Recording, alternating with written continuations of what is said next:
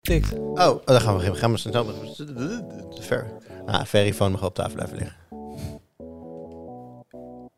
Je mag gewoon beginnen als je dat Ik wil. maar ik vind het gewoon heel leuk hoe jullie zo...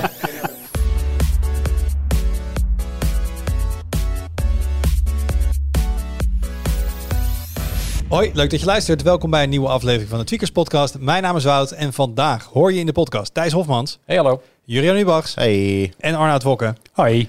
En we gaan het hebben over ieders eh, favoriete hobbyproject. God of War? Nou ja, Oh, sorry. Dat is ook niet meer helemaal, voor mij heeft, is helemaal geen voor mij hobbyproject. heeft Elon Musk geen God of War gekocht omdat hij Ja, het leuk oh. vond. Nog niet. Nog niet. Nee, dat weet waar. het niet, hè? Wel heeft hij uiteindelijk Twitter gekocht. Dat is op zich niet nieuw. Want dat is... Nee. Voor de vorige podcast was dat al zo? Nee, dat niet. Eh, ja, eigenlijk wel zes maanden terug al. Ja. Ehm, maar dat de deal rondkwam was vorige week donderdag. ja toen hadden we opgenomen inderdaad. Ja. Dus ik, ben- dat is... ik, ik was die rode lijn een beetje kwijt eigenlijk. Want ik weet dat we het een paar keer over hebben gehad. En toen toch maar niet. En, dingen. en ik dacht eigenlijk dat hij was blijven hangen op toch maar niet. Ja, maar toen kreeg hij een rechtszaak aan zijn broek. Twitter zei, ja, je moet ons kopen, want eh, dat hebben we afgesproken. Je hebt je handtekening eronder gezet. En Ah. we gaan naar de rechter als je dat niet doet. En de rechter had gezegd, nou, jullie hebben tot, eh, tot eh, 28 oktober, dat was vorige week vrijdag, om eruit te komen. Eh, en ze kwamen eruit. ja, Ah, dus dat is nu van Elon. Maar vooral de vraag is, en nu? En nu? En elke dag word ik wakker en dan F5 ik, en heeft hij weer wat nieuws bedacht of gezegd. Of een nieuwe abonnementsvorm of gek. Ik geniet me echt helemaal sub. Maar komen we zo meteen wel op. Dus daar gaan we het wel over hebben. Dus wat, wat gaat er nu allemaal veranderen en wat weten we al na een paar dagen? Natuurlijk ook voor de mensen die denken, ja hallo, ik ben weg. Mhm. Wa- waar moet je dan heen voor jou? Waar kun je heen? Waar, waar Ja. kun je ergens heen? Nou, je Ik wil niet naar China. Dat is me te ver. Ik heb wel getwijfeld over België. Eh, ik weet niet waar Mastodon ligt op de kaart, maar daar zou je naartoe kunnen. Er moeten een hoop mastodonnen liggen op zich. Maar ik weet Ja. het niet waar. Op Erg. alle plekken? Ergens eh bevroren in eh, Antarctica. Ehm, maar Arnoud die is een, een klein beetje al gedoken in, eh, in het sociale, het open, federale, gedecentraliseerde sociale netwerk Mastodon. Ja. Ja, back lekker. ja, nee, dan moeten ze. Maar ja, dat is altijd met open source spul. De, de, de marketingafdeling die krijgt niet heel veel geld daar, want die hebben ze niet. Ehm, dus daar gaan we het over hebben. Maar eerst, natuurlijk, de highlights. Ik, eh, ik kijk rechts van me. Oh, wauw. Daar zit jij. Ik denk, Jur is aanwezig. Jur krijgt als eerste. ik eh, ben de zeer beurt. teleurgesteld. Ja, inderdaad. Ik, zag het aan je Ik moet ja. mensen scherp houden. Ja.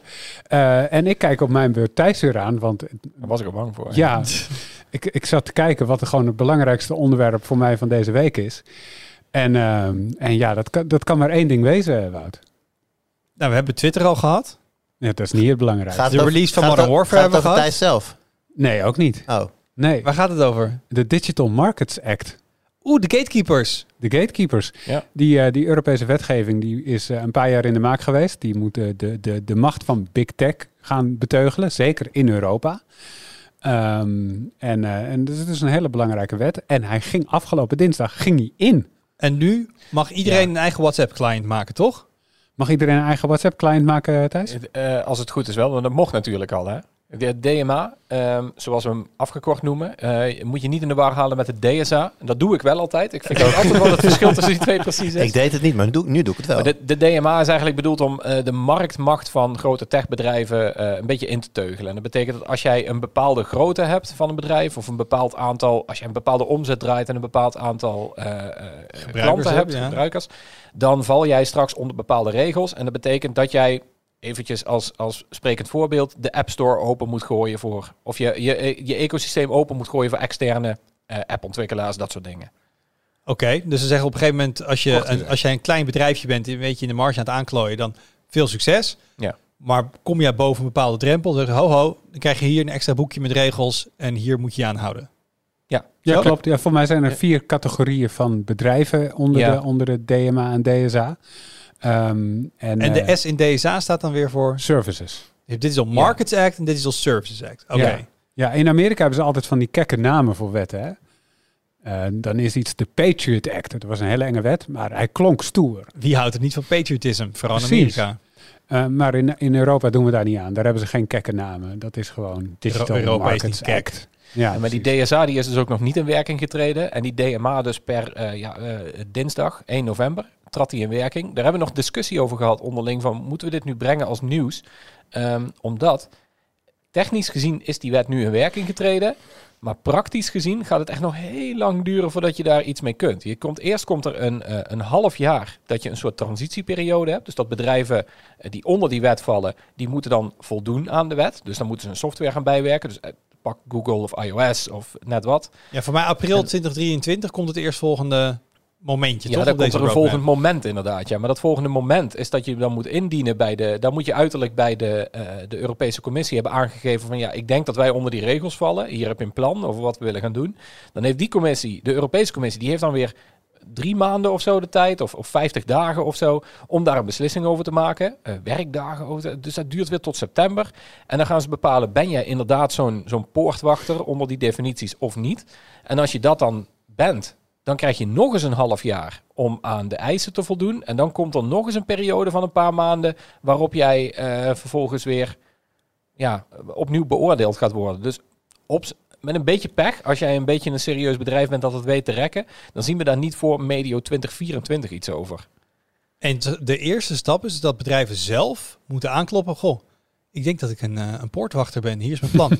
maar wat gebeurt er nou als voor april Apple niet zelf die stap zet? Ik vind, nee joh, dat zijn we helemaal niet. We zijn gewoon maar een klein, eh, klein telefoonfabrikantje. We zijn Ik vermoed dat de Europese Commissie dan weer een antitrustonderzoek gaat eh, opzetten en zeggen van val je daar precies onder. En nou ja, we weten allemaal het- hoe lang dat duurt. Je kan Dus- het sowieso zo rekken door niet zelf naar voren te stappen en te wachten tot je op je schouders Ja, getikt ik wordt. weet, ik, ik weet de details van de wet dus niet goed genoeg. Oh, nou, het hè. Moet even eh, Kijk dan maar heel nou, verwachtingsvol nou mij. Arnoud, zeg het maar. En Joris heeft destijds de... Joris Jans, onze collega, heeft destijds de achtergrond hierover geschreven. Die weet er echt alles van. Welkom Maar, bij de, het segment straatjes schoonvegen met Thijs Hofmans. Nee, maar ik weet dus niet precies wat de sancties erop zijn als jij niet zelf inderdaad dat gaat, gaat doen. Maar ik kan me niet voorstellen dat Google hier niet al, al twee jaar op aan het voorsorteren is. En Apple ook niet. Die- Die, die hebben dat allemaal al lang klaar liggen. Dus is- Maar- ja, Valt hieronder uit te komen? Dat we Nee. weten? absoluut niet. Nee. Nee. Dit, Dus- zijn gewoon, dit is gewoon echt Europese wetgeving. Geldt ook meteen in alle 27 lidstaten volgens mij. Ehm, en ja, als je dus zaken doet in, in Europa en je bent zo groot. En voor de duidelijkheid, dat zijn wereldwijd een, een paar handen vol bedrijven. Zoiets. Ja, het is echt overduidelijk van de grote de vangbedrijven eigenlijk eh, die, daar, eh, die hierop worden aangesproken. Vang? Eh, Facebook, Apple, Amazon. Wat is de N ook alweer? Weet ik niet meer. En dan de G van Google. Zo noemen ze ken dat de. Ik, ken- oh, zo, zo noemen ze dat. Ik wist Ja. niet dat ze dat deden. Ik, Ze noemen dat zo, ja. ik noemde het altijd gewoon big tech. Ja, Ja, big ook. tech. Maar in de praktijk zijn dat dus inderdaad, ja, het komt op hetzelfde neer. Maar dat zijn dat handjevol bedrijven dat, eh, dat al die services maakt, ja. Oh, Ja. die N. Een hele grote... Oh, dat zou Nokia zijn, denk ik. Ja, dat zal het Misschien, wezen. misschien een legacy dingetje van vroeger. Zo'n M of zo met Microsoft, maar het is een N. Ik weet het niet precies. Nee, voor mij is het Microsoft staat er ook tussen. Want die heeft natuurlijk Azure en, en Windows. En, Dus maar wordt ja, het maar van... de F, de F is eigenlijk ook weer al een eh, En- M natuurlijk, geworden van Meta. Van. Meta. Het wordt wel steeds moeilijker. Het wordt moeilijker, maar grote big tech bedrijven inderdaad, daar komt het op neer. En dat, dat zijn er inderdaad niet superveel, nee. En dat hebben ze ook heel bewust gedaan ook, om met het idee van, ehm, we willen die techbedrijven gaan, gaan beteugelen. Dat, en grotendeels omdat ze hopen dat er Europese alternatieven opstarten. En dan kun je niet zeggen, dit geldt voor iedereen. Want ja, dan gaan wij met z'n vieren een start-upje beginnen. En dan moeten we meteen aan die regels voldoen. En dan, dan, dan gaat dat al helemaal mis. Dus ze Zou wel- hopen gewoon zou wel een dat, vette eh, start-up zijn trouwens. Ja, ik zou dat best zien zitten. Ja, Ja, best wel tof. Gaan we het hierna nog even over hebben. Is goed. Maar eh, ja, het is, het is overduidelijk bedoeld om die, die, die, die tien bedrijven of zo die dat zijn. Maar je komt Ja. dus niet onder vooruit. En een van die dingen is dat je volgens mij je, je, je software, je, je digitale marketplace moet openstellen. Ja. Dus is Apple, moet Apple nu dus gewoon gaan bouwen aan support voor alternatieve app stores? Dat is wat ik eruit begrijp, inderdaad. En ehm, ik vind het wel spannend, want ik ben heel benieuwd hoe ze dat gaan doen. Ze zullen ongetwijfeld proberen om elke alternatieve App Store gelijk op 3.0 achter te zetten. Wel, eh, Ja. dat, dat, dat is de manier waarop Apple natuurlijk werkt. Ze zoeken de randen van elke wet op en, en, en proberen daar zoveel mogelijk onderuit te komen. Dat hebben we gezien toen eh, de ACM in Nederland druk zette op het gebied van dating apps. Ehm, met, eh, met in-app betalingen waar, eh, waar, waar je dus ook andere betaalmethodes zou moeten kunnen toevoegen. Begin dit jaar speelde dat januari, februari, maart. En toen hebben we Apple echt zien, zien krioelen om te proberen om zoveel mogelijk onder die regels uit te komen. En als ze er niet onderuit komen, om, om het dan zo onaantrekkelijk mogelijk te maken om aan de, aan de regels te voldoen. Ehm, dus ja, ik ben heel benieuwd hoe dit eruit gaat zien. Maar het is wel wat zal moeten, ja. Ik ben ook wel heel benieuwd wat er internationaal gaat gebeuren. Want Ja. je ziet bijvoorbeeld als een bedrijf zoals, eh, zoals Google, dat moest eh, een jaar geleden moest dat dan eh, Google Education gaan aanpassen. De, de, de Google vers die ze in scholen gebruikten. Ehm, dat krijgen ze dus van een Nederlandse toezichthouder, krijgen ze dat opgelegd, want dat moet. Ja, dan dan kun je als Google zeggen van nou, dan gaan we dat alleen voor Nederland toepassen. Maar dat is natuurlijk, eh, dat, moet, dat heeft helemaal geen zin. Dan doe je het maar gelijk voor heel Europa. Want voor je het weet, dan staat een volgende toezichthouder op de stoep en dan moet het hele spelletje weer opnieuw. Maar ik kan me van deze wet dus niet voorstellen dat je, dit, dat je al die maatregelen, dat ze die meteen internationaal gaan toepassen. Dus, dan dat krijg dat je dat Amerikaanse iPhone-gebruikers kunnen dan, dan verandert er niks. En Ja, als precies. je in Europa een iPhone hebt, dan mag je een alternatieve App Store Dat zou, installeren. dat zou dus kunnen. Dat je, dat, dat- ja, ik kan me als Apple voorstellen dat je dat dan wel gaat doen. Nou, dat je ik gaat denk als eh, Apple denkt dat ze hierdoor geld gaan verliezen, dan gaan ze dat in zo'n klein mogelijke markt doen. Ja, ja. Precies. Ik, denk, ik denk inderdaad dat dat gebeurt. De afgelopen jaren hebben we met de iPhone 14 al gezien. Toen hebben ze de simkaartslot laten vallen in Oh ja. de VS. Dat is een hardwarematige aanpassing. Dat is best heftig. Eh, wat dus in de rest van de wereld niet geldt. Hier, hier zit er gewoon nog een simkaartslot in, in nieuwe iPhones. En ik ben heel benieuwd als USB-C komt ook zo'n mooi Europese wetgevingsding. Waar Apple aan moet voldoen. Als USB-C komt op iPhones, dan zou het ook best kunnen dat er een Europese versie komt met USB-C en de rest van de wereld Lightning. Daar geloof ik niet in. Dat is- zou kunnen. Dat, Maar met software, Tuurlijk, is, maar maar met dat- software is dat wel inderdaad nog wat makkelijker te implementeren eh, op Precies. een of andere manier. Dus ik ben wel ja, ik ben benieuwd hoe dat eruit gaat zien. maar de App Stores die staan dus heel erg centraal in, Mhm. in, in dit hele verhaal. Maar er zijn er nog andere Niet dingen. alleen dat, het gaat ook over bijvoorbeeld interoperabiliteit met elkaar. Dus dat jij je apps open moet staan. En dat is ook een beetje een, een, de kritiek daarop. Want ze zeggen bijvoorbeeld van ja, ehm, onder deze wet moet jij WhatsApp moet jij compatible maken met het Europese alternatief dat eh, jij en ik straks gaan verzinnen. Maar ja, nou ja, ga er maar aan staan. Dat is, dat is niet alleen dat die bedrijven daar heel erg tegen zijn natuurlijk. Maar ook nog eens, hoe ga je het in hemelsnaam doen? En dat is gewoon, er is geen technische oplossing voor. En die wet zegt in principe, ja, niet ons probleem, regel het maar. Maar ja, je kunt je afvragen hoe dat in de praktijk gaat straks. Want dat staat dus ook in. De, de, de diensten moeten met elkaar samen kunnen werken. Ik zei net in het Ja. begin al eventjes, kan iedereen, is dit het moment dat je eigen WhatsApp client kan gaan maken. Maar als jij als bedrijf zegt, ik wil, ehm, de mensen achter Signal, wij willen ook vanuit Signal WhatsApp berichten kunnen sturen. Dan zou dat van- moeten kunnen, ja. Dan moet WhatsApp zeggen, oké, dan gaan we een API voor je openstellen. Ja. Ja. Dat is Dat- wel, kijk, van, van de App Store snap ik nog gewoon het meest. Ja, dat, dat, dat kan. Dat, dat kun je gewoon er doorheen duwen. Dat kun je verplichten. En dat, Apple niet leuk vinden. Maar dat is niet heel lastig om uit te denken hoe dat eruit moet zien. Maar deze, Ja, ik vind, hem ook wel, ik vind hem ook wel heel ver gaan. Ze dat gaan ook alle ver, ja. diensten met elkaar moeten kunnen samenwerken. ja dat klopt. Maar het is, ook, het is ook echt een typisch politiek ding. Van, van politiek klinkt dat natuurlijk heel interessant. En eh, hè, antitrust en eh, dat is allemaal goed voor de competitie en zo. Maar ja, de praktijk is natuurlijk oneindig veel moeilijker. En je hoeft echt geen fan te zijn van WhatsApp om dat, eh, om dat te zien. Maar kennen wij voorbeelden waarbij de politiek, of het nou op EU-niveau of landelijk niveau, een dergelijk iets heeft voorgeschreven wat tegen ze eigenlijk heel erg lastig is en wat in de praktijk dus ook bleek dat het gewoon niet gebeurd is? Of is het echt zoiets dat de politiek gewoon zegt, ja, het is misschien heel moeilijk, maar je gaat het maar gewoon doen. Ik bedoel, uiteindelijk kan dit. WhatsApp kan een API bouwen, die kan... Ja, bridge modus en dat soort het dingen. kan, het ja. kan. Maar het is, dat klopt. En maar- maar, dat is hetzelfde als met, met het hele encryptiedebat wat nu speelt natuurlijk. Op, op Europees niveau worden er echt hele serieuze stappen gezet om te zeggen van ja, dat is allemaal leuk die encryptie. En dat mag ook prima. Maar zorg maar dat wij het ook mee kunnen lezen. En dan zeggen alle experts van ja, maar je, dat, dat is gewoon technisch onmogelijk. Dat, is niet geen een implementatieprobleem, maar Ja. dat is gewoon echt technisch niet een optie. En dan zegt de wetgever ook van ja, zoek het maar uit. ja. maar zit er, Maar maar, ken, zijn er je, voorbeelden? Weet ken je niet. voorbeelden van dingen... Die echt niet gebeurd zijn. Nee, ik ken wel voorbeelden van wetgeving die heeft gezorgd voor eh, dingen waarvan heel veel mensen zeiden dat is helemaal niet wenselijk. Eh, de cookiemuur is een bekend voorbeeld. Eh, maar dat is wel gebeurd. En dat heeft natuurlijk gevolgen gehad, maar dat is wel, zeg maar, dat is wel ingevoerd. Ik wilde trouwens ehm, in, in lijn hiermee nog even een, eh, een eh, oproepje doen. Dat heeft meer met het DSA dan met het DMA te maken. Maar in de Digital Services Act staan ook een paar artikelen die regelen dat als je account geblokkeerd wordt, dat je daar goede informatie over moet krijgen en een manier om dat aan te vechten. Dat eh, is niet naar aanleiding van een verhaal wat wij hebben geschreven, maar we hebben er wel over geschreven, ongeveer anderhalf jaar geleden. Ah, het nog goed. Ja, en ik, ik eh, werk aan, een, eh, aan een, eh, een opvolger van dat verhaal.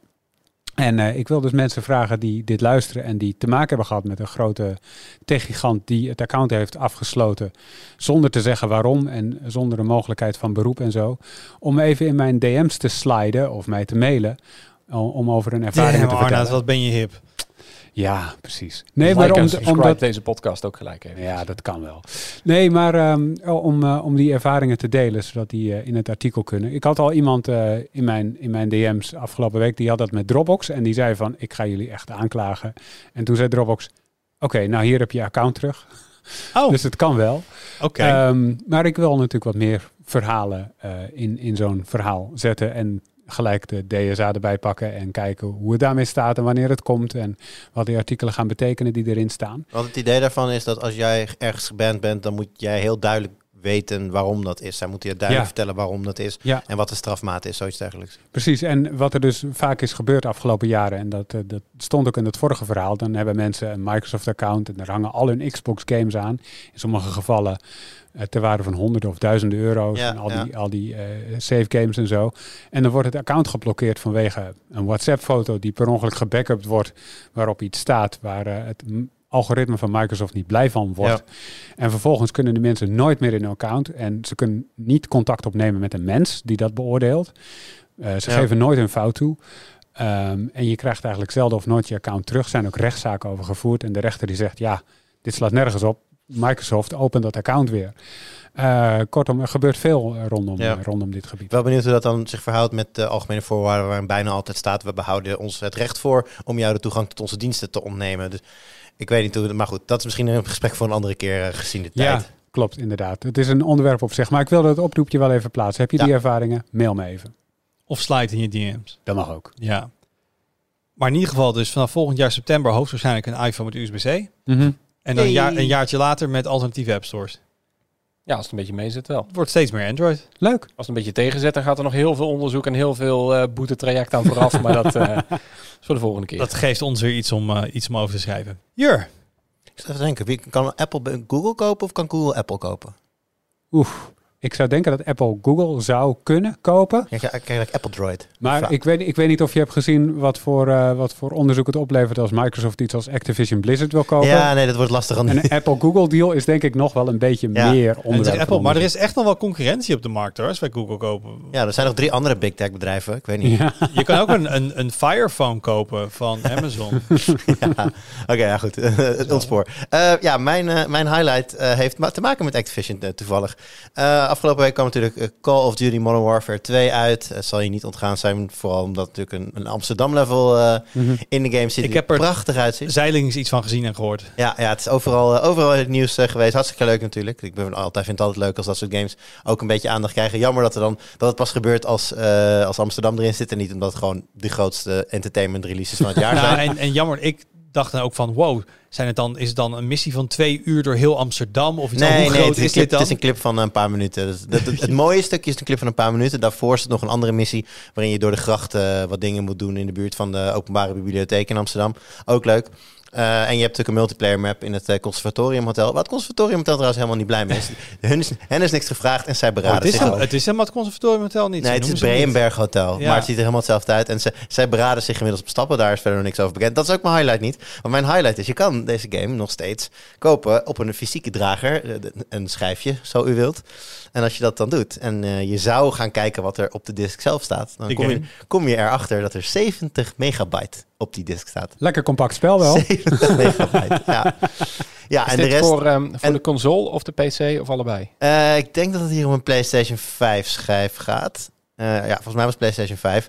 Ehm, ja, 70 MB aan data en de rest mag, oftewel 80 gigabyte, mag gedownload worden. Eigenlijk vergelijkbaar met wanneer je gewoon de hele game digitaal had gekocht. En Dit triggert mij op zoveel levels. ja, nee, ik, mij ook. En tegelijkertijd vermaakt het me ook wel weer. Want ik heb, zo, ik, ik, ik heb erover nagedacht. Ik denk van, ja, waarom doe je dit? En toen dacht ik, ja, ze zijn waarschijnlijk verplicht om dat ding op een schrijven. Want er liggen deals met retailers, et cetera.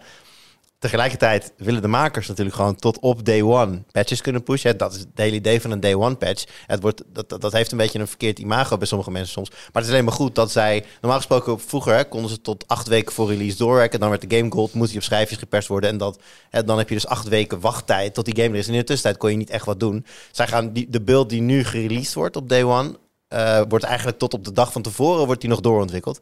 Dus als je gewoon de game niet op een schijfje zet... kun je gewoon voor iedereen de game ja, zo ver als mogelijk doorontwikkelen tot aan release. Dus ik denk serieus dat zij gewoon gedacht hebben van, nou, weet je wat, we flikkeren gewoon een of andere, eh, nou ja, wat zal het zijn? Ik denk... eh, Een updater. nou ja, een token, een soort van, van het, het zal een, een, een, rechtkwestie zijn. Hè? Dat, dat, dat jouw console herkent die schijf. Oh, dat is Call of Duty. En nou, herkent dan ook dat jij het recht hebt om de data van die game binnen te gaan halen. Dus dat zal, zoiets dergelijks zal op de disk staan. Ook als je ehm, in je PlayStation stopt, dan zie je ook, als je, eh, dan, dan boot de disk op en dan heb je meteen een mooie sfeervolle achtergrond van Call of Duty. Dat zal op de disk staan. Maar dat was het denk ik wel zo'n beetje. Dus er staat een key op. Een En een JPEG. Een key, een achtergrondje, ja, wat, eh, wat, wat, wat ID-data, denk ik. En, eh, en dat was het. En eh, ik, ik vind het, ik, ik, het moet haast wel een trollactie zijn. Kan toch niet anders?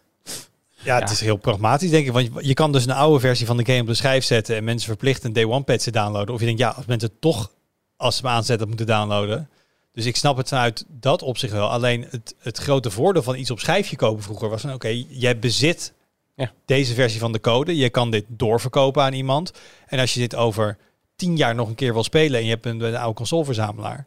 Maar je hebt de game dus eigenlijk niet. Als Nou, je ik koopt. neem wel aan dat je hem gewoon, als je hem in een andere PlayStation stopt, no questions asked, gewoon nog een keer kan downloaden. Ja, maar zolang Ja, maar die servers van ja. Activision Blizzard online zijn. Precies. Als jij een PS1-game Ja, op een schijfje Oh, zo, hebt, ja, nee, zeker. Dan kun je die PS1-game gewoon in een PlayStation stoppen en spelen. Het is leuk als je, als je Ja. retro-gamer bent en een collectie hebt. Maar eigenlijk heb je Dat- nu gewoon een digital download. Ja, en als straks de PlayStation 6 eh, er is, dan, heb, dan, kun je, dan gaat dit niet eh, backwards compatible zijn. Dan zal je die weer apart moeten downloaden.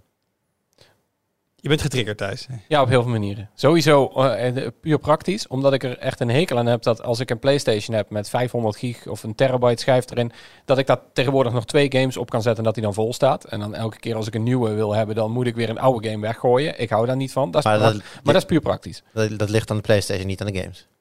Ja, oké, maar die worden wel steeds groter. Maar daarom wil ik een, een, een fysieke schijf hebben, zodat ik niet alles hoef te downloaden. Ik vind een, een download-only PlayStation, dus zonder die, die, die, die diskladen, dat vind ik heel vervelend. Omdat je dan altijd, omdat je elke game die je wil spelen, die moet je downloaden. Die kost schijfruimte. Ja, maar En tegenwoordig zit natuurlijk een SSD in. En ik zit me even af te vragen, als je alle, eh, alle images die je nodig hebt, hè, als je dat allemaal vanaf een schijfje moet gaan streamen naar je beeld, wat is sneller? SSD of van een fysieke drager? SSD duizend keer. SSD, precies. Ja. Dus ik, ik denk dat het technisch misschien ook helemaal niet mogen. Want zij streamen ook. eh, in, in Call of Duty zit een optie dat je tijdens het gamen gewoon live eh, hogere kwaliteit textures gestreamd kan krijgen naar je console.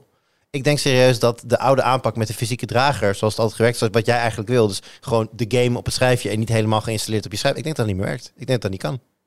Nou, denk lukt, die- lukt mij anders nu nog prima. Nee, Ja, maar maar- die nieuwe generatie consoles, die, ze- die games worden zo opgebouwd rondom de snelheid van die SSD. Ik bedoel, je moet gewoon bij je level design moet je rekening houden. Hoe snel kan ik assets inladen in Ja. deze engine? En als je Ja.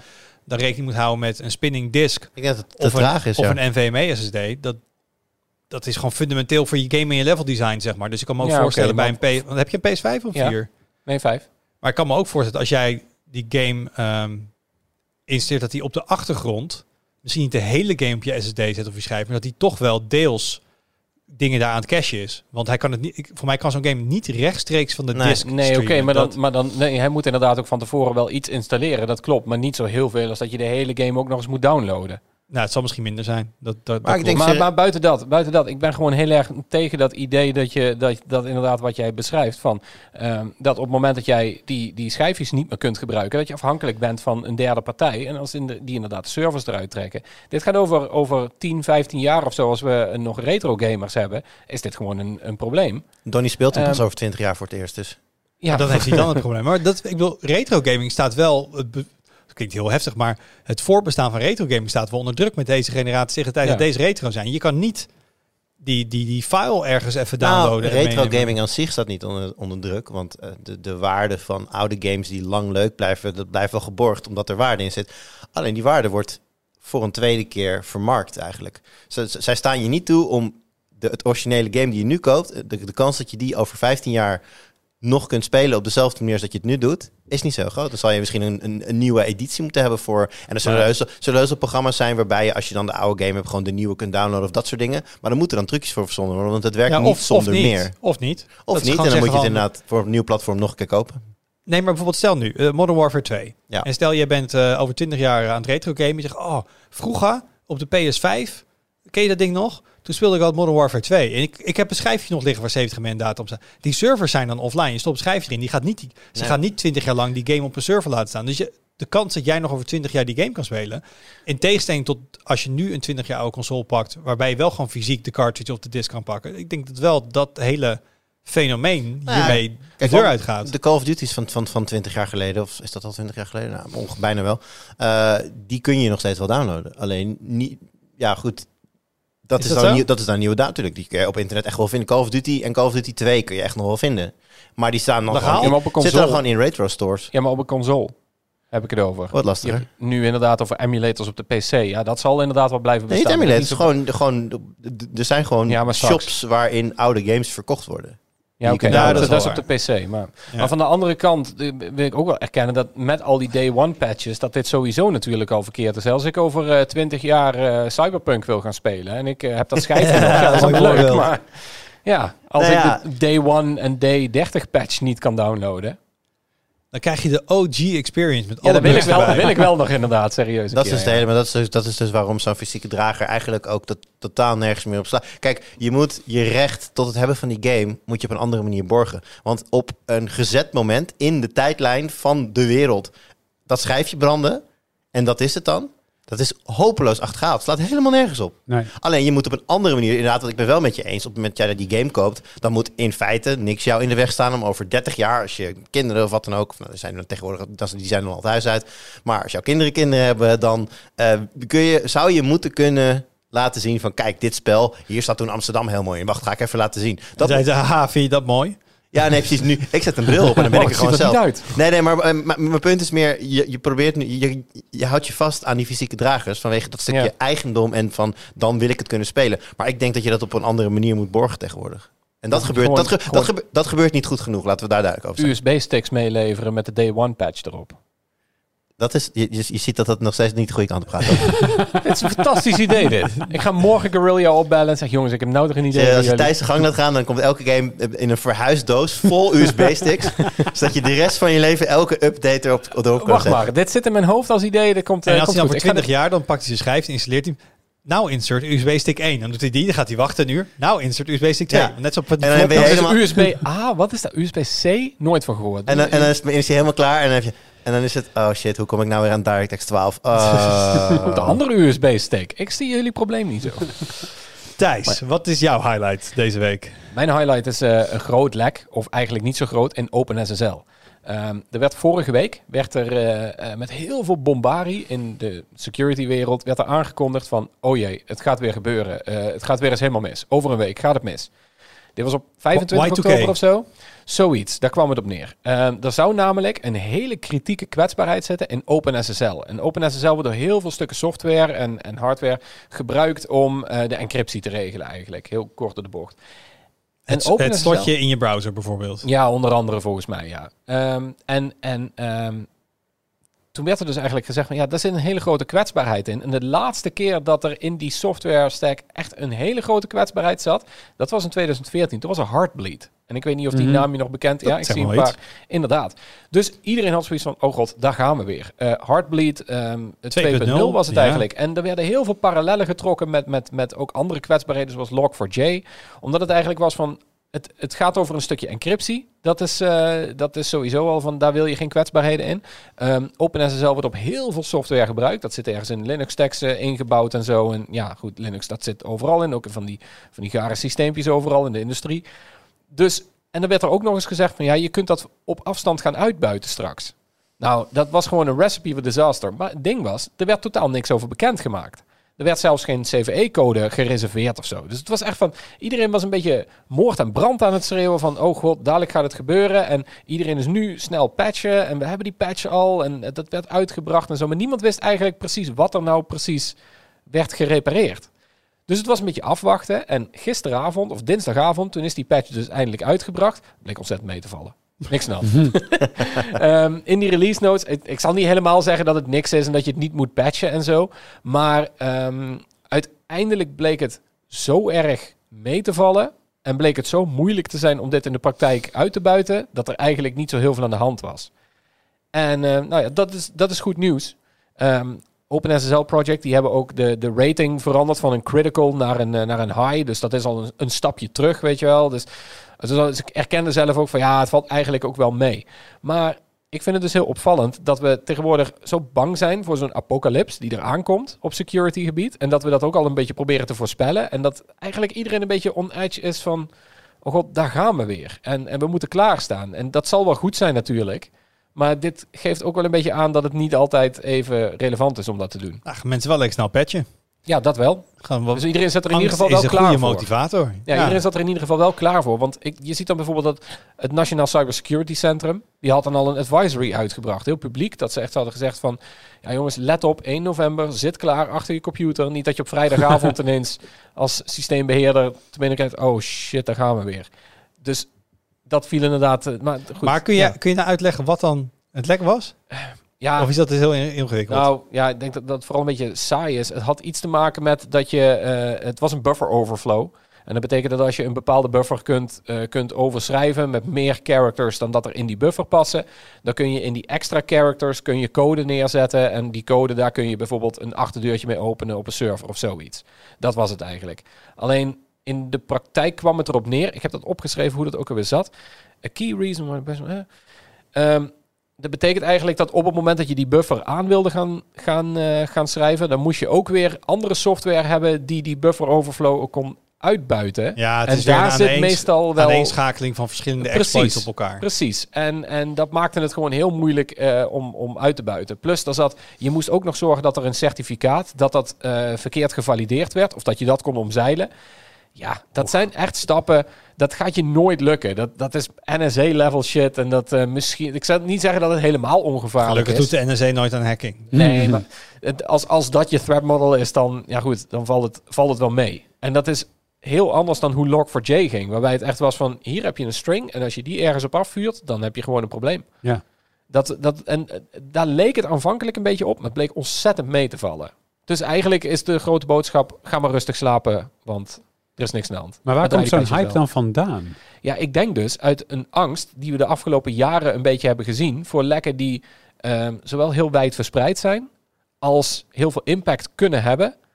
Ehm, en dan is, het, dan is het niet meer de vraag van hoe belangrijk is het nou, hoe, hoe makkelijk is het nou uit te buiten. Ik denk dat het daar vooral in zit. Dat op het moment dat je al weet van, er zijn een paar van die softwarepakketten die gewoon zo allesomvattend zijn en op zoveel plekken zitten en op zoveel kritieke infrastructuur zitten, daar wil je gewoon geen kwetsbaarheden in. Ongeacht. En dan dat, dat mensen niet meer nadenken bij hoe makkelijk dat dan uit te buiten is of zo. Maar wie, wie begon hiermee? Hoe, hoe kwam dit naar buiten? Dat er op Door de of- OpenSSL project zelf, die eigenlijk al zeiden van Ah. jongens, we zijn bezig met een patch. En op dat moment wist iedereen al van, oh god, dat doen ze bijna nooit. Want je hebt ook van die, van die software, dat zegt iedere week wel een keer van, oh, het is, weer- het is weer eens helemaal drama. Mhm. Eh, maar bij OpenSSL gebeurt dat niet, niet heel veel. Ah. Ehm, niet nooit, maar dat het zo ernst. En ze zeiden ook echt van, ja, het is een critical bug. En dan weet je ook al van, oei, dus het is wel, het is wel ernstig. En Mhm.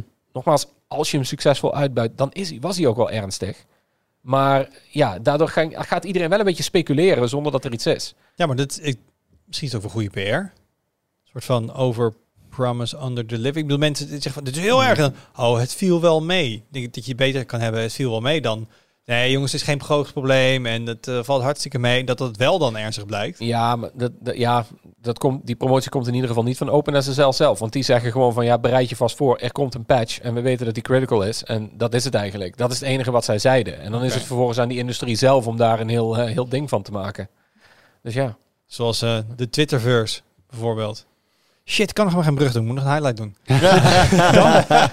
Dan wilde ik thuis nog even dan. iets, iets anders vragen. Want soms is gaatjes hebben helemaal geen nadeel. En de vorige keer dat je in de podcast zat, heb je een paar keer geteased naar eh, de 3,5 mm jack op je telefoon, die je Oh ja. enorm miste. ja maar toen wilde je niet uitleggen waarom. Wil je nu uitleggen waarom? Ik weet niet hoeveel tijd we nog hebben. Ik zit dat Ja, we we best lang bezig zijn. We Hè? kunnen Twitter beter, beter schrappen. Heel in het kort, omdat ik een eh, hele dure koptelefoon heb thuis. Of niet heel duur, maar gewoon duur zat. Om te denken van, die moet gewoon op andere apparaten werken. Ik gebruik die hier op mijn laptop. Ik gebruik die op mijn computer thuis. Dat is een 3,5 mm plugin. Mhm. Ik heb een mp3-speler nog. Eh. Daar kunnen we ook een hele podcast over doen, maar die heb ik nog. En dat werkt gewoon goed. En ik wil niet elke keer van Bluetooth hoeven wisselen op die dingen. Want Bluetooth, ja, dat werkt gewoon Is totaal niet. geweldig. Ik gebruik Linux, dus Bluetooth is absoluut niet geweldig voor Dat mij. doe jij zelf aan. Deels. Maar ik heb geen Bluetooth module op mijn desktop thuis. Ik weet niet precies hoe dat hier werkt en daar. En ik heb geen zin om elke keer op en neer te moeten switchen. Als ik die koptelefoon nu luister, ik ben nu een podcast aan het luisteren op mijn telefoon. En dan wil ik gaan playstationen. Dan wil ik klik, klik, dat kabeltje erin en eruit.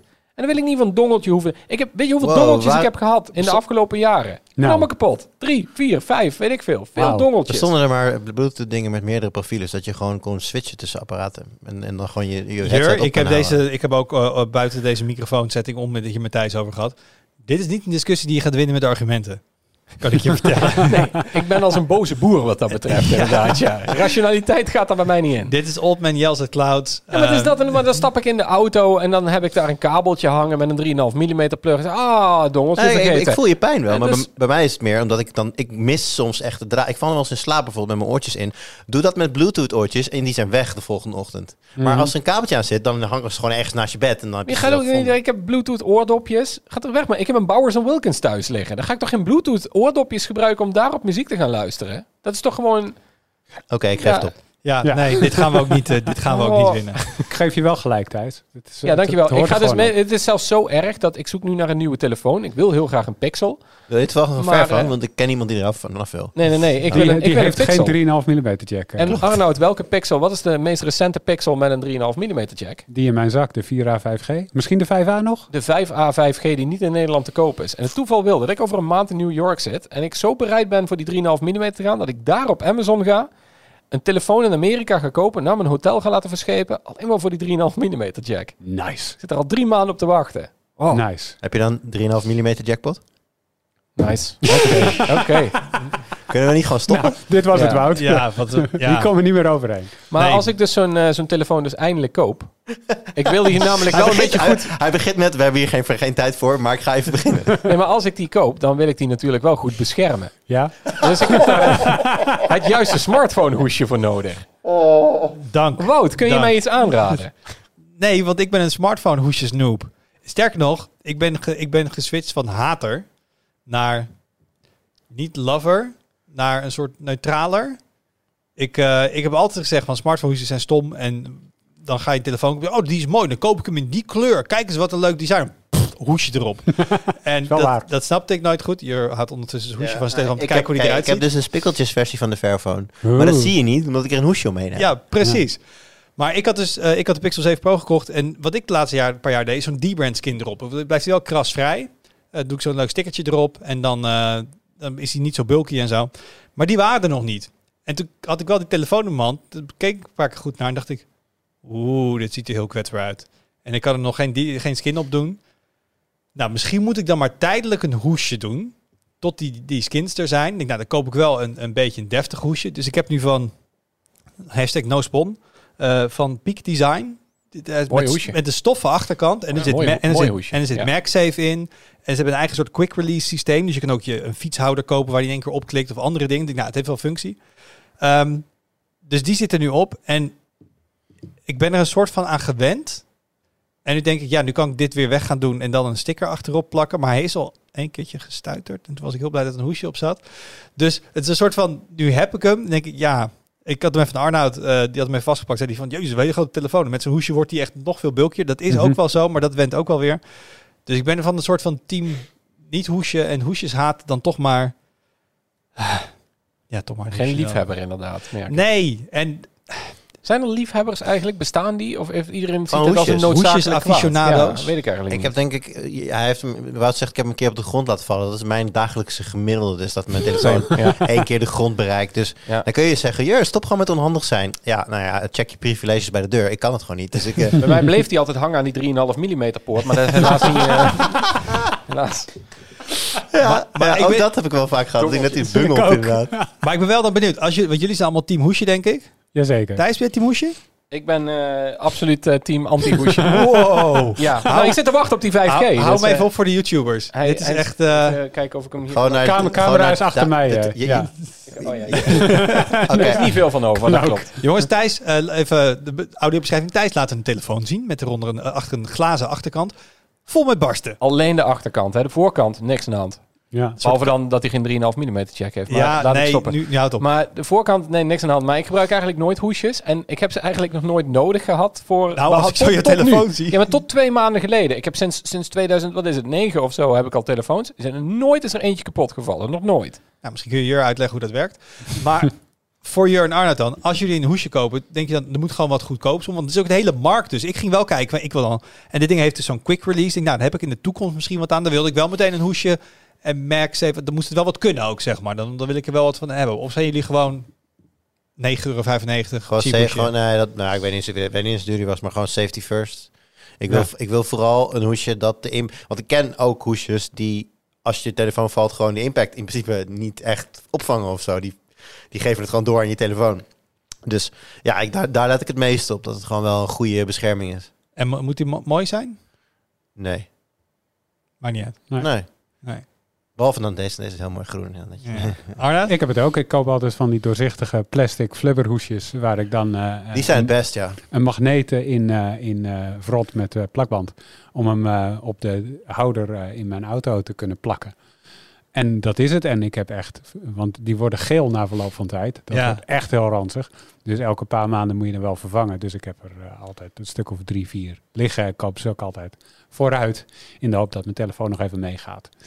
Dus ja, nee, dat is mijn Dus die hele luxe hoesjesmarkt met allemaal mooie textuurtjes en dingen. Dat gaat helemaal aan jullie voorbij. Ja, maar nu heb ik jouw hoesje gevoeld en nu denk ik wel, Nou, nou, wel nice. Hij heeft dus, hij is dus inderdaad wel, ja. Hij is stof op de achterkant. En ik moest denken, niet, ik, dit is niet sandstone, maar ik vond bij de eerste OnePlus altijd zo fijn. Er zit een textuurtje op, het is even iets anders. Het is wel, maar het zit wel in dezelfde hoek, zeg maar. Zo'n Ja. zo'n fabric case. Ja, ik, nou, ik- hoor je mij gewoon positief over een hoesje praten? Wat Ja. de hel is er aan de hand? Wel mooi. Ja, dat gewoon mensen het nog ook kunnen veranderen. Ja. Nou. Ik zou er gewoon over twitteren als ik jou was, Wout. Jongens, ik kan op zichzelf wel onderwerpen aankijken. dat jullie denken, dat die Wout heeft hulp nodig. Ja, Ja, daar geven hebben- alles aan Daar vandaag. hebben we geen vertrouwen in. Nee, dat merk ik. Nou, dan gaan we het nu hebben over Twitter en Elon Musk. Nee, misschien even goed. Voor de mensen die eh, onder een steen leven of gewoon eh, dit niet interessant vinden. Wie is Elon Musk? Als je het niet interessant vindt, dan wordt de tweede helft van de podcast misschien niet zo leuk. Maar eh, Thijs, waarom heeft Elon Musk Twitter gekocht? Ja, Heel ik, kort. Ik, ik, er is een kort en een genuanceerd lang antwoord. De korte versie is, hij zegt dat, het, eh, zegt dat het is bedoeld om een public square op te zetten en echt een ultiem bastion van vrijheid van meningsuiting te hebben. Ik denk in de praktijk dat, het, dat we niet echt heel goed weten waarom dat hij dat nou wil. Want Elon Musk die zegt heel veel en dat is soms een beetje aan het trollen. En, maar dat is in, in principe wat hij, wat hij openbaar zegt. Het voelt als een impuls aankoop. Maar als ik Ja, een impuls voelt- aankoop doe, is, Ja. het, is Ja. een paar tientjes. Als hij het doet, Koop je is een het een verkeerd paar miljard. inderdaad. Ja. Nee, maar zo voelt dat inderdaad wel echt. Ik heb het afgelopen half jaar heeft heel erg een vibe gehad van een prank gone too far geweest. Dat, eh, want het begon eigenlijk allemaal, had ik het idee, bij iemand die, eh, dat hij, hij is natuurlijk een van de meest fervente twitteraars die er is. Ehm hij loopt echt, echt absolute shit posten. En op een gegeven moment had iemand dan had hij iets gezegd over Twitter en had iemand hem tegen gezegd, oh, als je het zoveel beter weet, eh, koop het dan zelf. En toen heeft hij een beetje voor de grap gezegd van, ja, dat is goed, dan doe ik dat. Ja, en dat was een half jaar geleden en nu is het daar totale chaos. Dus ik heb het idee dat hij dat, dat, dat echt zo begonnen is. Dat, dat zal wel iets genuanceerder liggen. Ik ben bang van niet. Ik denk het ook niet. Ik ben bang van niet. Eh, zeg maar het idee van, stel je voor dat hij zich had geërgerd aan een gebrek aan 3,5 mm jack op telefoons, had hij een telefoonfabrikant gekocht. Dat is gewoon hoe zijn hoofd Ja, ik denk werkt, het. denk ik, want hij heeft een hoop geld, hij kan dit doen. Het klinkt, Ehm, gewoon, het klinkt een beetje eng als dat zo gaat. Dat, dat, Ja. dat onze wereld op die manier wordt bestuurd. Ja, Dat is eh, ja. de parodie voorbij. Het is zeker de parodie voorbij. Maar ik denk wel dat het een beetje zo werkt. En dat hij er vervolgens allemaal argumenten aan heeft gekoppeld. Zo van, we moeten gewoon een soort dorpsplein hebben op internet... waar we met z'n allen vrij meningen kunnen uitwisselen. Dat is belangrijk. En er is van alles mis met Twitter. En ik heb succesvolle bedrijven. Ik kan een bedrijf leiden. Ik kan dat gewoon. Dus dat komt er allemaal wel bij. Ik denk wel dat het inderdaad begint met zo iemand die dan gewoon zegt... koop het dan als je het zoveel beter weet. En dat hij dan denkt, Ja, en, Ja, en dat het heel erg is, idee. is gegaan vanuit een ideologie die hij natuurlijk aanhangt. Hè? Ja, We moeten een beetje proberen om weg te blijven van politiek in deze podcast, denk ik. Maar dat is denk ik wel een belangrijke drijfveer waarom hij dat had gehad. Want de enige mensen die een hele sterke mening hebben over Twitter, dat zijn vaak die, die, die conservatieve geluiden die altijd roepen dat je niks meer mag zeggen. En Elon Musk zit eh, fel in dat kamp. Hij, Ja. hij probeert een beetje te impliceren dat hij, dat, hij, dat hij zo'n centrist is of zo. Maar hij zit heel fel in dat kamp van je moet alles kunnen zeggen en eh, eh, je, dat, dat dus. En vanuit die ideologie heeft hij dit ook wel, denk ik, gekocht. Dat hij echt absoluut zegt van ja, we moeten ook absoluut alles kunnen zeggen op internet. Om er dan vervolgens inderdaad in de praktijk achter te komen dat dat, dat soort moderatie ehm, iets ingewikkelder is dan iets wat je in de kroeg bespreekt met elkaar. Ja, Want op zich, we ja. hebben, eh, Facebook is al sinds een oprichting bezig met moderatie. Eh, nou, Bij Twitter hebben ze er problemen Precies. mee. Elk, elk netwerk heeft hiermee te maken. Ja. En hij doet een soort van, oh, maar ik, ik ga Ik gewoon ga dat wel even fixen. oplossen, ja. ja. ja. Maar je, en je merkt ook aan alles, en dat is natuurlijk het, het- het mooie, zeg ik even tussen haakjes van Elon Musk, is dat je iedere ontwikkeling in zijn leerproces daarin gewoon live kunt meevolgen op Twitter. dat hij er dat hij iets Maar dat, is, en dat is dat, geweldig. ja, d- ik vind dat dus niet, maar ja. Tuurlijk, dit is, dit is, dit is, ik kom even niet, is unprecedented. Dit is, dit is letterlijk, want we hebben natuurlijk het verhaal met die vinkjes gehoord, toch? En eh, Ja. Dat, dat je, dat je de verificatiestatus, om die te behouden, zou je misschien straks 20 dollar per maand moeten betalen. En daar reageerde, volgens mij was het Stephen King. Ja. Ja. Die, re- die, die, die eh, reageerde iets als 20 dollar per maand. Ze zouden mij moeten betalen voor het feit dat ik content plaats op, eh, op Twitter. En toen heeft Elon Musk dus gezegd van ja, maar we, moet, hè, we moeten wel rekeningen betalen. Eh, het, weet je, Twitter is natuurlijk algemeen bekend, niet, niet een winstgevend bedrijf momenteel. We moeten de rekening betalen. How about 8 dollar? Je zit gewoon letterlijk naar de onderhandelingen of gewoon eh, hij is aan het aanvoelen wat het prijsveld dan moet zijn als er een prijs Ja. zou zijn. Ik vind dat fantastisch. Maar dit dat is, dit maar is nog nooit vertoond. Ja, maar, dat is doet toch, hij ook bij softwareontwikkeling van Tesla. Als genoeg mensen gewoon op Twitter hem taggen Ja. en zeggen... hey, waarom eh, zit dit en dit er niet in die feature? Oh, willen mensen dat echt graag? Nog meer replies? Ja, ja, ja. Oké. Dat Ja. is ja, hoe een en, product en, dat, roadmap werkt. en dat werkt als jij producten gaat doen. Maar ik vind dat als jij dit, als jij inderdaad zo'n netwerk koopt vanuit je ideologie, dan hebben we ineens wel een hele andere discussie natuurlijk. Dit is er ook een product. Ja, maar Het is je een kunt dat niet service, ja, maar... het is een service die in onze, in onze cultuur ontzettend veel belangrijker is dan alleen het product. Dat is altijd het ding geweest met Twitter natuurlijk. Twitter, het product, dus de site en de apps die je hebt, die zijn niet zo heel spannend. Hun algoritmes... Mastodon gebruiken. Precies. Hun, hun algoritmes die zijn niet zo goed. Die site is niet zo heel goed. Eh, het is als berichtendienst werkt het niet heel goed. Wat Twitter va- valuable maakt zijn inderdaad eh, zijn de mensen die erop zitten. Want dat zijn namelijk politici, dat zijn journalisten, dat zijn meningmakers. Die zich ook laten beïnvloeden heel erg door Twitter. Kijk maar naar Musk zelf. En als je dan vanuit een ideologie dingen gaat toevoegen of weghalen of zo. Als jij het dan gaat hebben over... Ja, maar ik vind persoonlijk dat Donald Trump wel op dat platform moet. Dus koop ik het en ga ik daarvoor zorgen. Ja, dat wordt wel een ander verhaal dan dat je zegt van... ik wil Tetris in een auto kunnen spelen. Er zit wel verschil in, Je kan geen Tetris spelen. Maar- Wel Sonic. Maar wacht even, hij koopt het. Dus het is van hem.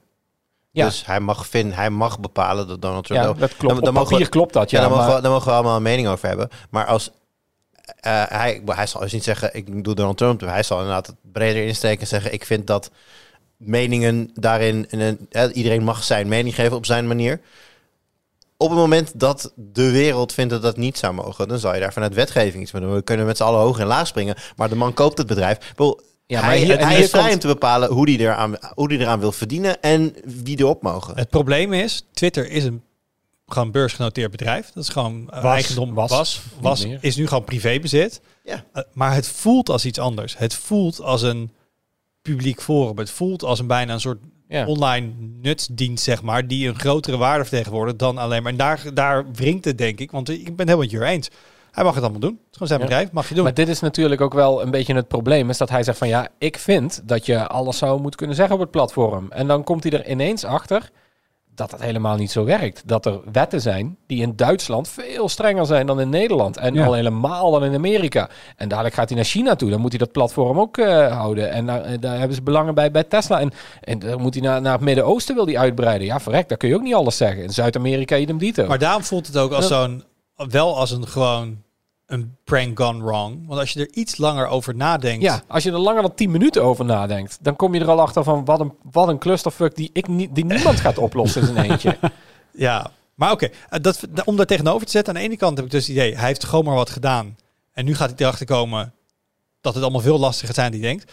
Aan de andere kant, hij heeft in een redelijk korte tijd, er komt elke dag wel een aankondiging over dingen die ze aanpassen. Ik bedoel, het is wel of hij is vanaf vrijdag begonnen met nadenken en meteen spijkers met koppen, of had toch wel een soort van klein aanloopje slash plantje. Misschien kunnen we heel even door, Jur, Jur zei al, eh, eerst was het idee van je hoeft 20 dollar betalen voor verificatie. Ja, En wat, nu vinden, weet- wat, wat vinden jullie daarvan? nou, dat gaat sowieso niet door, want nu wordt het dus 8. Nou ja, dat, ja precies. Stephen King heeft dat voor ons uitonderhandeld met, eh met. Stephen King. Maar eh thanks, eh thanks. Maar misschien eerst heel veel kort, want dan kunnen we daarna, daarop in. Maar Ja. we weten dus nu, eh, Twitter Blue wordt aangepast. En Mhm. daar komen wel weer ads in. En je moet 8 dollar betalen en ben je verified. Dat is iets wat hij besloten heeft in zijn korte tijd hier. Wat zijn andere dingen die hij nu, waar knopen over doorgehakt Hij worden. heeft, hij heeft volgens mij in de eerste seconde dat hij de leiding had, eh, eh, twee topmensen ontslagen. En voor mij daarna Inmiddels nog de hele, meer. raad, de hele raad van bestuur. Waaronder dus ook de mensen die gaan over de afdeling Trust and Safety. Dat Ja. het toch niet de minste afdeling is. Dus de hele raad van bestuur is ontslagen, inderdaad. Ja. Dat en hij wil voor mij heel aan, veel het- middelmanagement. aan het moderatie. Vindt dat er te veel moderatie mensen rondlopen. Ja. En hij wil eh, in principe af van anonimiteit. Hij wil, hij wil real people. En geen, hij wil dus af van de bots en de... En als je dus geverifieerd bent en je hebt Twitter Blue en je kan dus 8 euro per maand betalen, dan worden jouw posts hoger gerankt en beter laten zien in searchresultaten Ja. en andere dingen. Dus eigenlijk is het een soort, als we het hebben over in de gaming termen, het wordt een soort pay to win op Twitter. Dus als jij betaalt en geverifieerd bent, dan word je een soort god level. En als je dat niet hebt, Nog steeds, dit zijn nog steeds allemaal plannen die hij heeft. En bij heel veel van Elon Musk's plannen bestaan die plannen een beetje uit wat tweets in de rond te sturen van ja, ik ben dit van plan. En dan soms wordt dat inderdaad doorgevoerd en dan is dat dan morgen va- ineens. Vaak ook wel als alles wat veel dingen die je tweet rondom SpaceX en Tesla, dat gebeurt uiteindelijk wel. Het is Kijk, dat is het. het wel dat is wel serieus. waar. Maar die, die man Ja. die komt op een gegeven moment in, zo stel ik me zo voor, een kamer met mensen van een productteam. En hij zegt, ik wil dit. Ja, die Ja. mensen worden door hem betaald. Het zijn capabele mensen. Want ja, kijk naar Tesla, kijk naar SpaceX. Er gebeurt genoeg. Dus hij, hij weet heus wel wat capabele mensen zijn. Meer dan een tweet sturen of het bedenken. En dan in die ruimte zeggen, ja, ik, jullie hebben mijn tweet gezien. Ik wil dat graag. Ga maar maken eh, drie maanden. Bewijs van. Ja, dat, dat, dat is genoeg. Meer hoeft hij niet te doen. Als hij zegt, ik wil dat. En hij heeft een productteam die dat inhoudelijk voor hem gaat uitvoeren. Ja, dan ben je en toch? als er dus geen mensen zijn die zeggen van... Goh Elon, zou je dat nou wel doen? Dan is het Ja, toch van de zotte dat wij zo'n invloedrijk medium hebben... wat helemaal aan de grillen is overgeleverd van praktisch één iemand. Die geen tegenspraak duldt en zichzelf omringt met ja-knikken. Want dat is wel hoe het gaat. Ja, maar het is dat, dat, dat past in de definitie van het feit dat Twitter een bedrijf is en een bedrijf overgenomen kan worden Maar door, dat is een goed door punt. private Dus- entiti- en- entiteit. Het is nu een heel invloedrijk medium. Moet, moeten we daar vanaf? Is dit gewoon bye-bye Twitter? Moeten politici en journalisten een alternatief gaan zoeken? Want in de huidige vorm als privaat bedrijf met eh, onze gekke Elon aan, het, aan, de, aan de top Ik- wil je nou, dit je niet meer willen. Ik denk, ik, dat weet ik dan ook weer niet. Ik bedoel, als jij kijkt naar de hele mondkapjesaffaire van Siebert van Linden, ehm, dan zie je ook wel dat, dat Twitter daar zoveel in betekent. Twitter heeft ons wat dat betreft heel veel belastinggeld gekocht, gekost. Omdat, omdat één iemand op Twitter heel invloedrijk was en dan naar de minister kon gaan en dat de minister dacht van, ja, laten we die jongen maar, eh, laten we die jongen maar wat geld toestuiven. Hoeveel volgers heeft hij? Ja. nou ja, in ieder geval, ja, een paar duizend. Maar verre van de 18 miljoen die Nederland aan inwoners kent. Dus het feit dat sommige mensen zoveel invloed halen op Twitter. En dan moeten we ook de hand in eigen boezem steken. Want wij gebruiken ook Twitter. En heel veel van mijn nieuws komt daar vandaan. Dus ik zit daar ook in een bubbeltje van als jij, eh, als jij invloedrijk bent op bijvoorbeeld de privacywet of zo. Eh, en je hebt daar heel veel interessante blogs over. Maar je zit niet op Twitter en ik ken dat niet. Dan ontwikkel ik daar een blindere vlek voor. Dat is niet helemaal goed natuurlijk. Maar dat is wel in een nutshell hoe dat werkt. Dus ja, ik denk dat, dat Twitter wat dat betreft we- wel iets te veel invloed heeft. Ja, dat klopt. En dat we daar wel een beetje vanaf moeten. Jur? Nou ja, je vraag was, moeten we er vanaf? Ik denk dat je als gebruiker je moet afvragen of jij er nog iets te zoeken hebt. Want je, je, je, je, begint net met die, met die eh, we hadden het net over die 8 dollar die je moet betalen. En ik vind het heel logisch. Ik vind dat een hele logische stap van Twitter. Want eh, bedrijven of personen met een bepaald bereik, die gebruiken het om, om nou, influencers gebruiken het bedrijf om, om, om contact onder te houden met de community. Voor heel veel bedrijven of heel veel personen is het, is het misschien wel de belangrijkste outlet. Dus eigenlijk heel raar dat je dat gratis kunt krijgen door gewoon, weet ik veel, ik weet eigenlijk niet eens hoe dat proces gaat, maar in ieder geval door te bewijzen dat jij jij bent, mag je gratis die extra staats hebben. Dat is raar. Dus ik vind eh, dat, ze daar, dat je ze daarvoor laten betalen, vind ik logisch. Alleen, ik zou het niet zo snel doen. En wetende dat er heel veel mensen dat wel gaan doen, en bedrijven zeker dat wel gaan doen, en hun berichten altijd boven mijne gerankt worden, zou ik me als gebruiker gaan afvragen van, goh, is, dient Twitter op dit moment nog mijn, mijn behoefte van het, het lezen en delen van berichten? Ik denk uiteindelijk wel, want kijk, waar, waar ik Twitter voor, voornamelijk voor gebruik, is nieuwsupdates. Gewoon, eh, zeker in, in, in de sportwereld, heel veel nieuws wordt gebroken, zoals dat dan heet, via Twitter. Dat is gewoon het snelst. Dus ja, het, leuk dat daar allerlei, eh, zeg maar aan hun kant allerlei dingen gaan veranderen en dat zij moeten betalen voor vinkjes en zo. Maar ja, ik, ik, ik, consumeer, ik, ik, ik, ik lees meer dan dat ik plaats. Dus ja, in die zin maakt het me verder niet zoveel uit. Nou ja, voor, voor, voor mijn eigen delen, dat zal misschien wat meer naar Instagram gaan of zo. Of Facebook, veel beter bedrijf. Arnoud? Het antwoord is een knijterade ja. We moeten hier vanaf. En ik bedoel niet als individuele gebruiker, maar als ehm, maatschappij, politiek en journalistiek vooral. Eh, wat, eh, waar het leven zich toch echt voor een deel afspeelt op Twitter.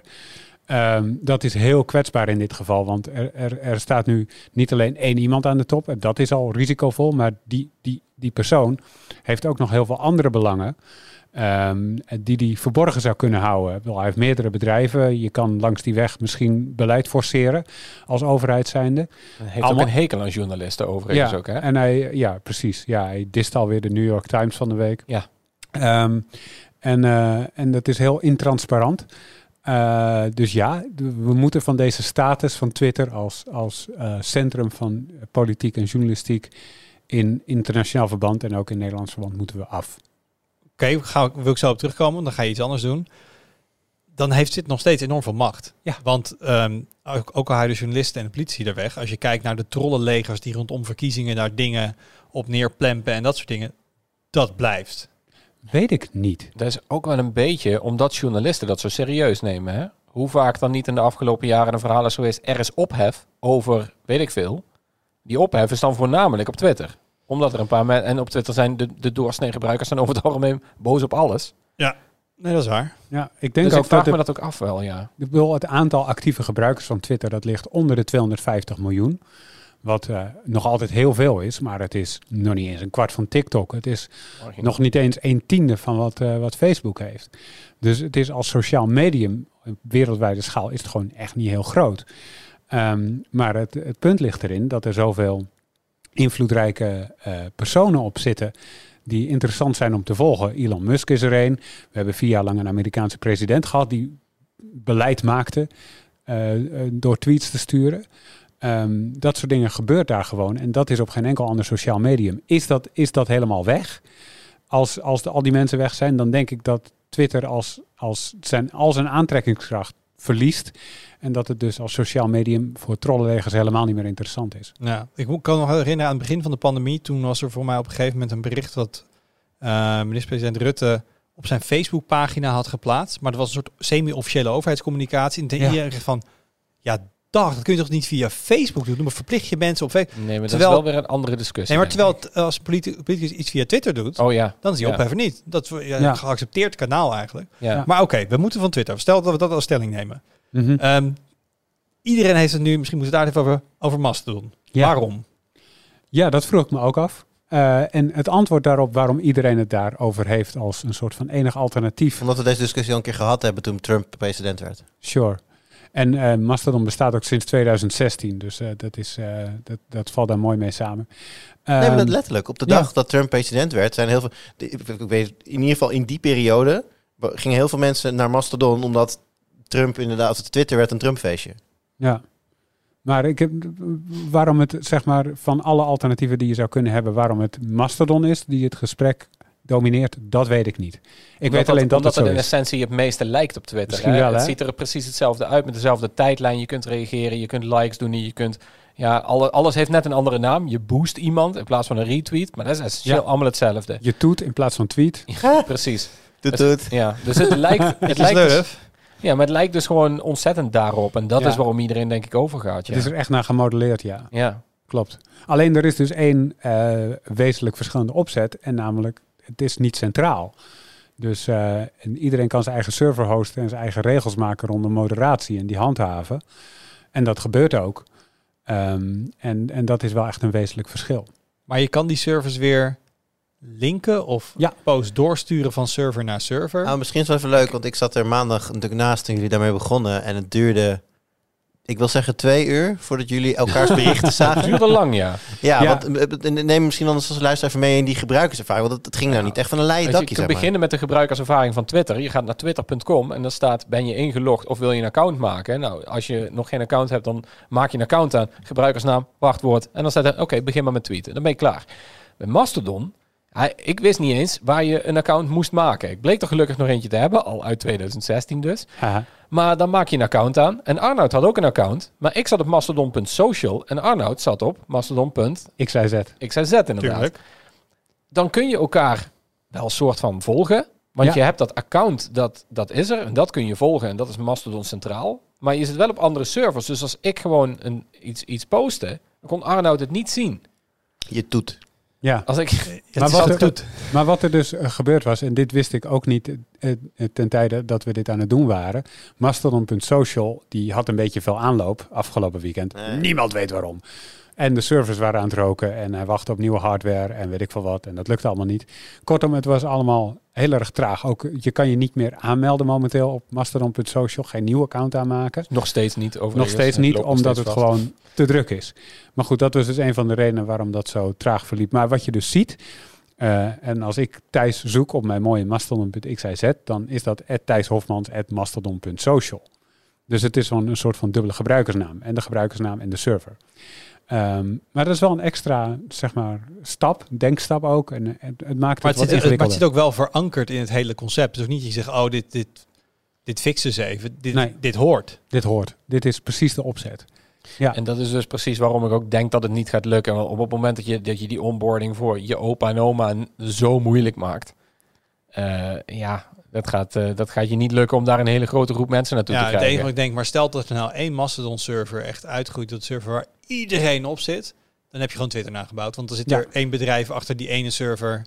Ja. Ehm, ja, doe een beetje denken aan IRC. Vroeger ko- je koos ook je IRC-server waar je op inlogde en daar had je bepaalde kanalen. En voor ja, ene soort kanaal moest je naar een andere IRC-server. Ja, en, maar dat is dit niet echt. Want je kan gewoon tussen servers berichten uitwisselen. Dat werkt via ActivityPub. Ja, dat, kan Ehm, dus, dat, gaat- dat gaat verder. Bij IRC Ja. moest je echt op die IRC-server Precies, je moest op die server zitten. En dat is hier niet het geval. En ik denk ook wel dat het, door, want wat je al hebt gezien afgelopen jaren, eh, althans ik wel, is dat eh, Mastodon een paar forks heeft gekregen. Bijvoorbeeld Truth Social. Dat, van, wi- eh, dat wist ik dus niet, dat Trump's pet project gebaseerd was op Mastodon. Zeker van, van Donald Trump. Dat is gebaseerd op Mastodon. Ehm, Maar kan ik dan met een normale Mastodon client op de server van True Social inloggen? Ik denk het niet. Ik heb, er ik heb er naar gekeken. Voor mij heeft Truth Social dat uitgezet. Het zou standaard dus wel moeten kunnen. Maar als serverbeheerder maak je je eigen regels. Dus als je dat niet wil, dan doe je dat niet. Je hebt ook van de EU, EU Voice. Dat is ook een Mastodon variant. Volgens mij kan je daar wel bij vanaf elke Mastodon server. Dus dan kan je die updates wel ontvangen. En dan lees je dus gewoon allemaal vet spannende dingen van EU-politici. Ja, ja. Thijs die denkt, eh, hou me tegen. Dat, eh, daar wil ik op inloggen. Het zijn Ik ben nou eventjes naar mijn eigen Mastodon aan het kijken en hoeveel volgers dat ik al heb. Maar dat eh, valt, nog- valt nog tegen. Nou, even braggen. Kom op maar. Ja, toch een goede 30. Nou, to- Nou, toch wel. toch ja, wel. Ja, ja. Toch wel.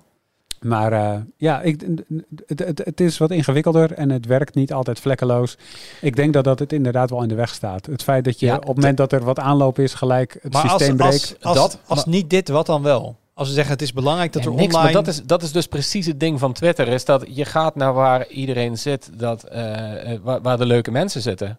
En Mastodon kan nog zo, zelfs als het helemaal goed is en gepolijst, en dat is inderdaad mijn vraag, zelfs dan nog, op het moment dat daar niemand op zit, dan ga ik het ook niet gebruiken.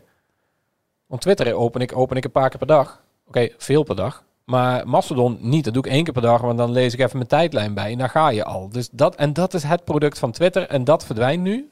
Of als dat gaat verdwijnen, dan zie ik niet echt. Dan is de vraag waar dan? Ja, dan ga ik naar waar de anderen zitten. Ja. Ja, het voelt, maar het, voelt als het internet ooit, vroeger, bestond uit, uit standaard protocollen. Ik bedoel, e-mail is van niemand. Ja. We hebben afgesproken, er is gewoon IMAP, er is POP3, er is SMTP. Je kan je eigen clients, je eigen e-mailservers.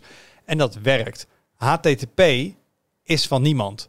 En ik zou het ergens uit idealisme wel mooi vinden dat we voor sociale media, of in ieder geval toeteren in de ruimte dat iedereen het kan zien, dat er een, een analoog is aan e-mail, web, social. En dat is wel een beetje wat Mastodon bedoelt- wil zijn. Je bedoelt ActivityPub. nou ja, dat ook van de W3C Want er is, inderdaad. niet, er is niet alleen, ja, het is niet alleen van W3C, maar er bestaan ook gewoon alternatieven voor niet alleen Twitter, maar ook voor Instagram en YouTube en weet ik veel wat.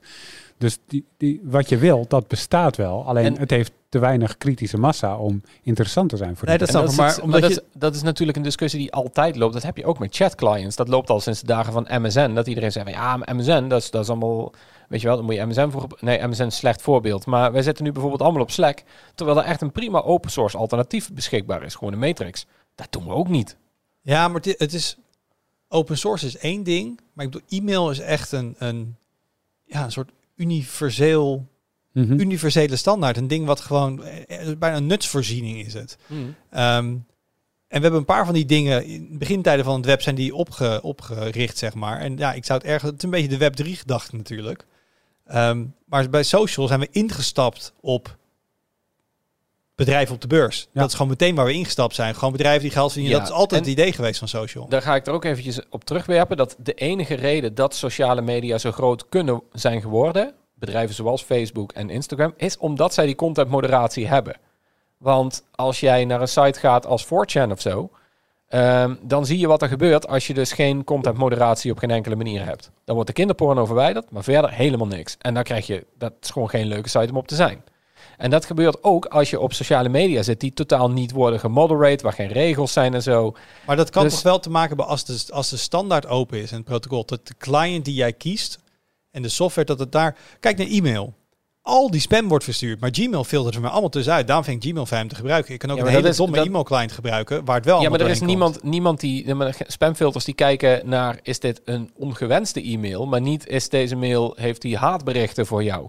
Dat is niet, uh, Wout Funnekot dan wel een rotzak. Als die dat zou gaan filteren, weer, weer een ander verhaal. Nee, maar mijn punt is dat je dus ehm, de berichten zitten in het protocol. Ja, er kunnen spamberichten via iemand verstuurd worden. Alleen aan de gebruikerskant kun je dingen gaan filteren. Net zoals je zegt van oké, we hebben een soort afspraak van hoe dit decentrale social media netwerk met elkaar communiceert. En jij kan dan inderdaad, hoe wil jij, via welke deur kom jij naar binnen en via welke client of iets anders. En daar kun je natuurlijk wel een filter tussen zetten. Ja, maar dan wordt, dan, dan wordt dus eigenlijk de vraag van wie gaat dat filter beheren? En vertrouw je er meer op dat één bedrijf dat gaat doen van hogerhand? Of moeten we dat onderling afspreken? En dat, ik vind daar geen duidelijk antwoord op. Het is niet, niet dat het ene per se beter is dan de ander. Ze hebben allebei voor- en allebei nadelen. En modereren is natuurlijk gewoon hartstikke veel werk. Dat ook. Dat is Ja. het. Vraag maar aan onze mods inderdaad. Ja. Maar dit is Elon Musk, dus dat lost we op met AI. Hij heeft, Nee. allemaal, heeft allemaal Tesla-engineers heeft hij al gewoon van de werk afgetrokken. Ook leuk als je Tesla-klant bent. Maar hallo, Wa- waar, waar lopen al die, die softwareondersteuners, eh softwareontwikkelaars heen? Ja, die gaan, eh, die gaan Twitter eh, fixen. Ehm, ik ga in ieder geval mijn best doen om de komende twee weken, ga ik zeggen, elke dag één keer op mijn Mastodon-account in te loggen en te kijken wat er gebeurt. en als dat me dat lukt, vind ik het al heel knap, want ik merkte al dat dat na dag één of twee. Ik ook naar Jur, jij hebt vast ook een Mastodon-account. Nee, zeker niet. Niet? Nee. Nee, zolang eh ESPN mij niet vertelt dat ik naar, naar, naar Mastodon moet, blijf ik... Nee, wat ik zeg, alles, alle mensen die ik volg en, en dingen die ik leuk vind, die gebeuren op Twitter. Dus Oh, er gebeurt ook geen fuck om Mastodon. Maar ik, wil, ik ben Dus dan wel ben- nieuwsgierig. Wie gaat er nu heen? Wat gebeurt daar? Hoe leeg is het? Nou, er wordt veel over gepraat, dus ik krijg prima mee wat er op Mastodon gebeurt, namelijk vrij weinig. Dus Gebeurt er op jouw Mastodon wat, eh, Thijs? Nog niet zo heel veel, nee. Arnoud? Een beetje.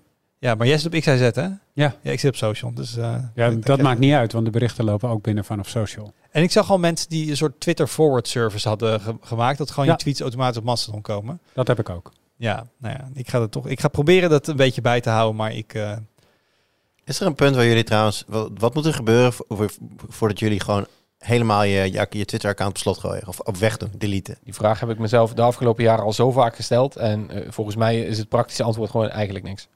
Eh, ik Dus heb dat- het al heel dus vaak dat, geprobeerd. Dat gaat, nooit, dat gaat nooit gebeuren dus. Ja, vast wel. Op het moment dat heel veel mensen, dat, dat, dat er te veel mensen weggaan die ik eh, interessant vond, dan wordt het geleidelijk aan steeds minder leuk. En Ja. dan denk ik, laat maar zitten. Bij mij is er daar dus één dingetje was we hebben het nog niet besproken wat bij mij daar dat triggerde mij enorm die tweet van Elon Musk naar de New York Times. Ja, sowieso. dat, dat, dat- hij had nieuws, hij had nepnieuws get- ge- ge- eh, getweet. New York Times pakte dat aan en daar reageerde hij op. Nee hoor, ik heb helemaal geen link naar de New York Times geplaatst. Ja, en ik vind nepnieuws en zeker mensen die, die dan ja, de meest gerenommeerde media gaan aanvallen omdat ze dan vinden dat zij nepnieuws. Ja, dat vind ik dat vind dat is een van de slechtste dingen die er momenteel gaande zijn op social. Ja, sowieso. En als, als Musk nou gaat bewijzen dat hij dan wat, echt op, op die, eh, wat ik noem, eh, de aanvoerder van de gekkiesgroep wil zijn, ja. ja, dan ben ik wel snel weg. Kijk, was dit gewoon standaard een trollpost van Musk die zichzelf heel lollig vindt? Of is dit echt, als dat inderdaad echt onderdeel van dat nieuwe Twitter wordt? Als, als, als iemand die straks willen ze weten journalisten gaat aanvallen, beschermd gaat worden door Musk, misschien nog wel gebo eh, geboost is de verkeerde, Ja. geretweet gaat worden door Musk, geholpen gaat worden door Musk, dat hij inderdaad hè, de, de journalistiek het vuur aan de schenen wil Maar dat zeggen. doet hij, dat doet omdat hij al, zij- hè? Ja, hij, nou ja, hij heeft in 2016 heeft hij toen al gezegd van ik ga mijn eigen nieuwssite beg- eh, beginnen en ik noem het Pravda.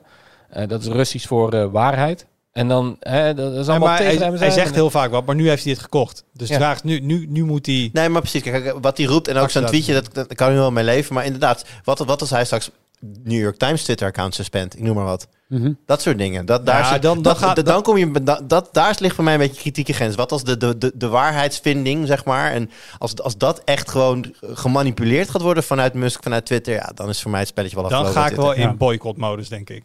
Bij, bij- als het echt op, op dat niveau is, hij gewoon de... Het is al niet leuk voor journalisten op Twitter. En als dat inderdaad nog erger wordt, dan houdt het inderdaad snel op, ja. Ja. Nou, zullen we hier afronden? Ik vind het wat, minder, gezellig, wat minder gezellig worden. Hou nog Dus- wel van mijn werk. Laten we even kijken naar wat er nog op de site verschijnt. Ehm, collega's Fries en Donovan zijn druk bezig met de Smartphone Best Buy Guide afronden. Dus eh, mocht jij dit najaar nou nog eh, op, eh, op hete kolen zitten voor een nieuwe telefoon. Maar ja, je weet, maar, zeker. Nee, je hebt er ver van. Ben hartstikke hoesje. Ja, ja, zeker. Moet je eens vragen of ik er blij mee ben. Dat is voor een volgende podcast. Ja. Dan kun, je daar, kun je daarmee aan de slag. Jelle is druk bezig de laatste tijd met Chrome OS Flex. Dat is een, een, een gratis distributie van Chrome OS. Bedoeld om eigenlijk oude laptops nieuw leven in te blazen. Dus dan hoef je niet Ubuntu erop te zetten, Thijs. Chrome is ook My God. Linux. Ook Linux-based. En dan kun je gewoon eh, Chrome OS op. Dat is nog niet zo makkelijk. Ik heb de afgelopen twee weken echt laptops zien openschroeven. En ik, ik weet dat dat voor dit artikel is. Ik ben heel benieuwd waar dat heen gaat. Ja, precies. Dat kan je gelezen. En collega Olaf is met heel, iets heel leuks bezig. Eh, een nieuw merk van eh, slimme lampen, Wiz. En die hebben dus een eh, lamp op wifi die het wifi-signaal ook als bewegingsdetector gebruikt. Dus als jij dus de kamer binnenkomt, verstoor jij blijkbaar op minuscule wijze de ontvangst van de wifi-chip in de lamp. Weet daardoor er is beweging en dan gaat automatisch het licht aan. Ik vind het echt heel leuk. Ja, dit is ook heel leuk. Maar of het goed werkt, dat weet ik niet. Ik weet wel dat Olaf er heel, veel- heel veel deuren open en dicht heeft gedaan met lampen in de buurt. Eh, dus dat kun je ook binnenkort lezen. Dat, dat scheelt. Ik had met Thijs nog een hele discussie over automatisch lampen in je huis. En of je wel of geen motion sensors moest doen. Daar hebben we geen tijd meer voor. Ja, dus we gaan Nee. hier eh. Maar dat, eh, dat kun je ook op de site eh, kun je vinden.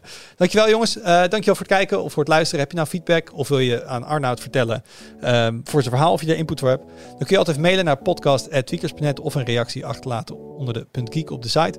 En je hoort ons weer volgende week. Doei!